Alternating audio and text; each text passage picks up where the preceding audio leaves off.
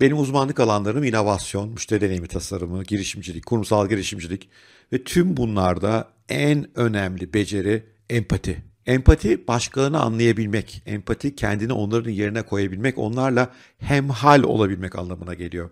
Empati becerisi yüksek insanlar müşteri ihtiyaçlarını daha iyi anladıkları için, onların problemlerini, onların duygusal gelgitlerini daha iyi anladıkları için daha iyi ürünler, daha iyi hizmetler ve daha iyi deneyimler tasarlayabiliyorlar. Ama empatinin iş hayatındaki önemi sadece bu alanlarla kısıtlı değil. İyi bir lider olmak istiyorsanız empatinizin yüksek olması lazım. İyi bir yönetici olmak istiyorsanız, iyi bir insan kaynaklarcı, iyi bir pazarlamacı, iyi bir satıcı. Bütün bunlardaki başarı empatiyle ilgili çünkü başkalarını anlayıp onların dilinden, onların arzu ettiği şekilde konuşursak, iletişim kurarsak o zaman onları motive etmemiz, harekete geçirmemiz, onlara bir şeyler satmamız çok daha kolay hale geliyor. Tabii empatinin toplumsal hayatta da önemi çok büyük. Birbirini anlayan, birbirine destek olan, birbirinin farklılıklarını saygıyla, sevgiyle kucaklayan bir toplum olduğunuz zaman hem yaratıcılık, inovasyon, girişimcilik gibi alanlar yeşeriyor hem de daha huzurlu, daha barışçıl, daha saygılı bir topluma dönüşebiliyoruz. Empati çok önemli ama maalesef gerilemede.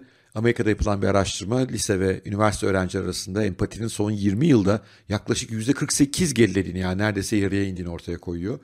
Elimde Türkiye ile ilgili bir araştırma yok ama biraz böyle Twitter'da sosyal medyada dönen kavgalara işte benim yazdıklarıma bazen aldığım yorumlara bakarsak empati yoksunluğu Türkiye'de ciddi bir dert ve bu hem iş hayatımızı hem de toplumsal huzurumuzu olumsuz etkiliyor. İşte bugünkü podcast'im bundan ilgili. Empati nasıl geliştirir üzerine duracağız. Çünkü empati geliştirmeyi okullarda öğretmiyorlar ama basit bir yöntemi var aslında. İşte o basit yöntemi bugün ele alacağız. Umarım ilginizi çeker. Hazırsanız başlıyoruz.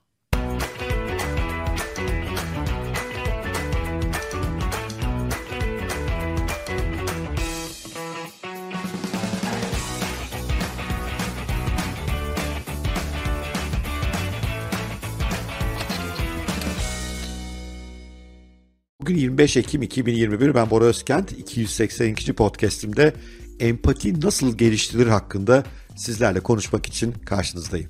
Giriş bölümünde bahsettiğim empati çok önemli bir beceri. O halde onu geliştirmek lazım ve Allah'tan çok kolay bir yöntemi var. Nedir o derseniz roman okumak. Roman okumak bizi başkanın hayatına sokuyor. Tamamen başka perspektiflerden dünyayı görmemizi sağlıyor. Belki ilk bakışta bize uygun gözükmeyen ahlaki normlardan, dünya görüşlerinden etrafı görmemizi, başkalarının gözünden hayatı izlememizi, deneyimlememizi sağlıyor. Bütün araştırmalar daha fazla roman okuyan insanların empati becerilerine daha yüksek olduğunu ortaya koyuyor. Ama bu sadece yetişkinler için geçerli değil.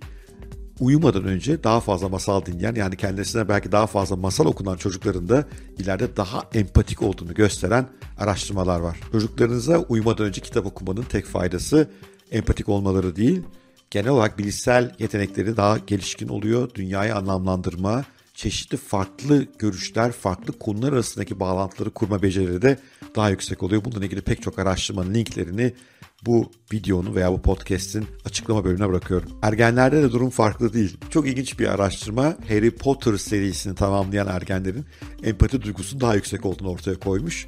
Sebebi enteresan. Harry Potter'ı okuyanlar varsa biliyorsunuz orada bir büyü yapabilenler bir de büyü yapamayanlar sınıfı vardır.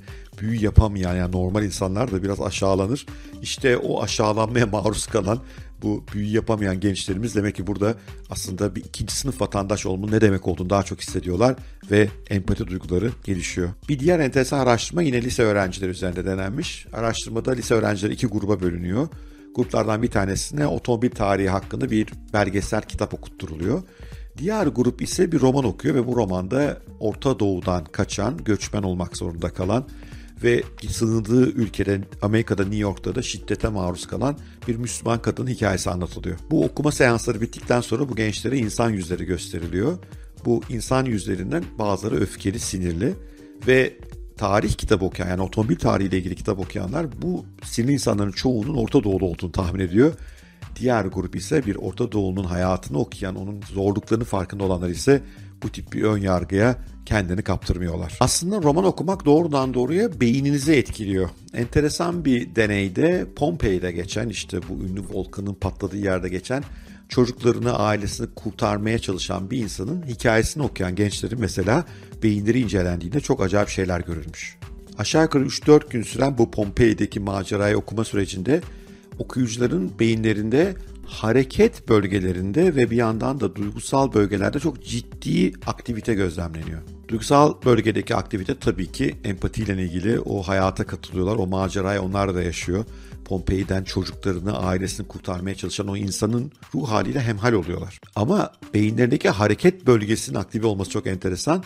Araştırmacılar aslında okuyucunun o anda adeta o Pompei'li babayla beraber o sokaklarda koştuğunu, o enerjiyi harcadığını, o telaşeyi yaşadığını ortaya koyuyor. Ya bundan daha iyi empati olur mu? Gerçekten karşınızdaki gibi sadece hissetmek de kalmıyorsunuz, onunla aynı şekilde hareket ediyorsunuz. Tabii her roman aynı etki yapıyor diyemeyiz. İçindeki insana daha fazla odaklanan, karakterlerin görüşünü, duygularını, düşüncelerini daha fazla aktaran romanlar empati gelişmede daha çok yardımcı oluyor. Buna karşı mesela polisiye romanlar onlar daha fazla biliyorsunuz olay örgüsüne odaklılar. Onlar katil kim sorusunu bize çok sorduruyorlar. Orada o empati duygusu aynı derecede gelişmeyebilir. O yüzden biraz roman seçimine dikkatli olmakta da fayda var. İyi bir roman okuyucusu binlerce hayat yaşar demiş George Martin. Muazzam bir söz. Siz de binlerce hayat yaşayın roman okudukça daha fazla hayatı yaşamış gibi olacaksınız ve bu bir yandan sizin daha yetişkin, ergin, dünya yardımcı olan insanları anlayan, olgun bir insan olmanızı sağlayacak ama bir yandan da iş hayatında da başarınızı artıracak.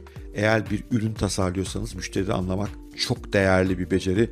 Empati orada önemli. Hatta bazı şirketlerde açıkçası içerideki profesyonelleri bu empati becerisine pek güvenilmediğinden antropologlarla, etnografik araştırmacılarla çalışılıyor. Bunlar neyi farklı yapar diyorsanız empati duyguları daha yüksek ve karşı tarafı yargılamadan, sorgulamadan anlamayı ve kendilerini onların yerine koymayı beceriyorlar. Yani şirketler buna resmen para ödüyor. Startuplarda bu beceri eksikse başarısızlık geliyor. Bu beceriden yoksun müşteri deneyimi tasarımcıların tasarım deneyimler pek bir şeye benzemiyor, aşırı katı olabiliyorlar. Ülkemizde çok farklılık var. Ülkemizde bir sürü farklı inanç var. Ülkemizde bir sürü farklı etnik geçmiş var. Ve maalesef bazen bunları çok kaşıyanlar oluyor. Bizi birbirimize karşı kışkırtan empati duygusunun yüksek olduğu bir ortamda bu kışkırtmalar da mümkün olmaz. Birbirini daha çok seven, benimseyen, anlayan, karşı tarafın görüşü kafamıza yatmasa bile kendimizi onun yerine koyduğumuzda ona saygı göster, anlayış göster insana dönüşebiliriz. Bu da zaten kendi içine yeterli bir kazanç olur. Hadi şimdi hemen gidin elinize bir roman alın. İlk sayfasını açın. ilk sayfayı okuyun. Kahraman hayatına bir girin. İnanın bana size çok faydası olacak bunun. Ben kitap okumayı zaten genel olarak çok seviyorum. Sadece roman değil başka alanlarda da roman dışı alanlarda çok okuma yapıyorum ama romanın tadı başka, romanın kattıkları başka. Lütfen hayatınızdan romanı eksik etmeyin. Bugünkü podcast'ı umarım sevmişsinizdir. Eğer sevmişseniz bir like, bir yorum süper olur. Daha fazla insana ulaşmamızı sağlarsınız. Bu arada size iki de duyurum var. İki eğitimin duyurusu. Bunlardan bir tanesi erteleme hastalığından kurtulma eğitimi ben veriyorum. Şu erteleme denen şeyden dolayı hayallerini yürüyemeyen çok insan var. Onlara yol gösteriyorum. Harekete geçmenin pratik yollarını gösteriyorum. Beynimizi nasıl hackleriz konusunda çok tatlı anlatacaklarım var. Çok işinize yarayacaktır. Aşağıdaki açıklamalarda eğitimdeki daha fazla bilgi ulaşabilirsiniz. Bir diğer eğitimde yakın zamanda Pınar verecek sevgili eşim. Onun bir e-rehberi çıktı. Onu okumamış olanlar varsa onun linki aşağıda. O rehber, e-rehberin ismi Beyaz Yakamı Nasıl Bırakırım? İşte beyaz yakamızı nasıl bırakırız, beyaz yakamızdan nasıl kurtuluruz, onunla nasıl vedalaşırız konusunda Pınar'ın harika bir eğitim var. Bizim bu eğitimler her ikisi de dijital eğitimler Zoom üzerinden yapıyoruz. Toplam 3 saat sürüyorlar. Ücretler oldukça makul açıkçası. Gelirseniz çok iyi olur. Birbirimizin gelişimine katkıda bulunuruz. Sevgiyle kalın, hoşça kalın.